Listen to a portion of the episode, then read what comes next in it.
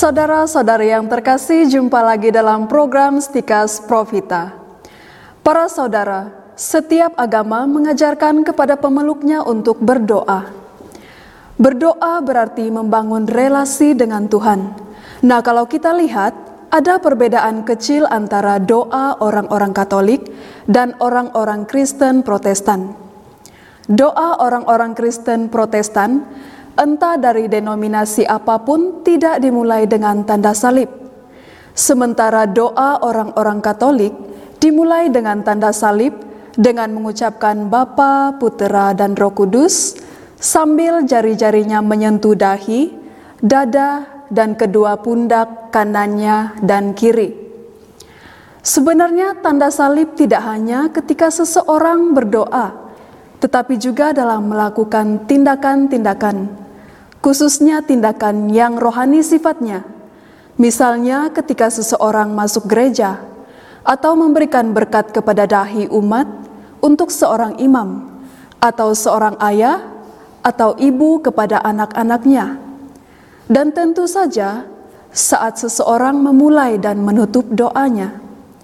Sesungguhnya tanda salib dalam tradisinya bukan saja untuk membuka kegiatan-kegiatan rohani, tetapi juga dalam saat seseorang memulai suatu pekerjaan, saat memulai suatu perjalanan, dan lain-lain. Memang dalam kitab suci tidak diajarkan oleh Yesus bahwa kalau kita berdoa atau melakukan tindakan-tindakan rohani harus diawali dengan tanda salib. Dia mengajarkan doa Bapa kami tanpa diawali sebuah tanda salib. Tetapi sesungguhnya praktek ini meskipun tidak ada dalam kitab suci secara eksplisit, sesungguhnya sudah sangat kuno dalam hidup dan sejarah gereja, yaitu sejak para bapa gereja. Misalnya Tertullianus yang hidup abad kedua menulis demikian.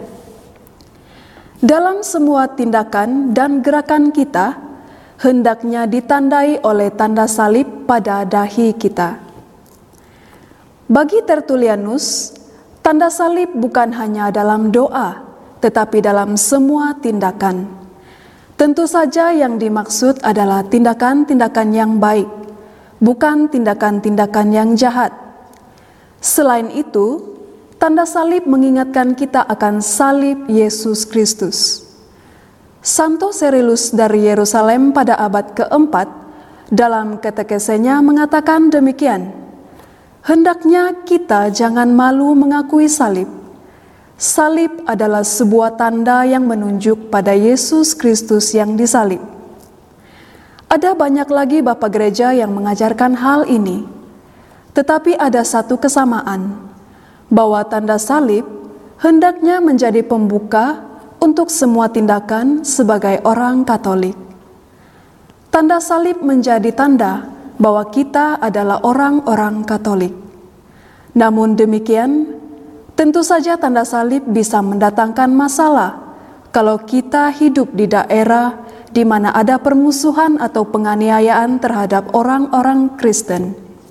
Nah, menurut saya, cara terbaik adalah dengan tetap melakukan tanda salib yang kita ucapkan dalam hati kita.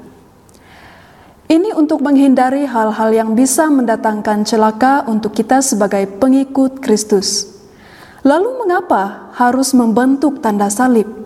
Nah, ini mengingatkan kita bahwa kita diselamatkan karena pengorbanan Yesus Kristus melalui salibnya. Salib menjadi tanda cinta abadi Allah kepada manusia. Salib Yesus Kristus begitu penting dalam hidup kita sebagai orang Kristen kita ditebus bukan dengan uang, emas, atau harta kekayaan lainnya. Kita diselamatkan bukan karena pedang, melainkan salib Yesus Kristus.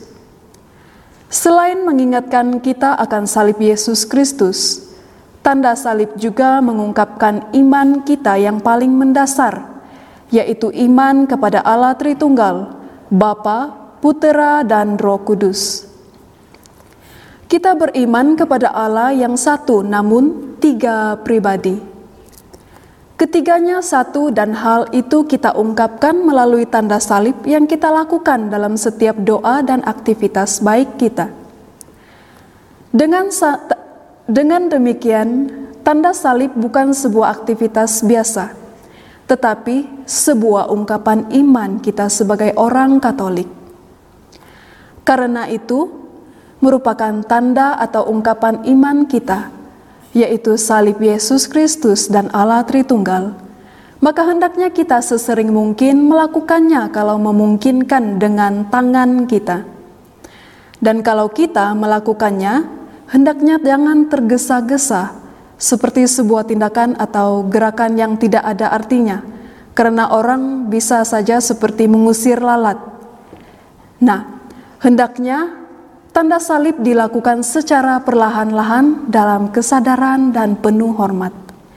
Semoga saudara mengenal dan mencintai kebenaran dan akhirnya diselamatkan. Salam Profita.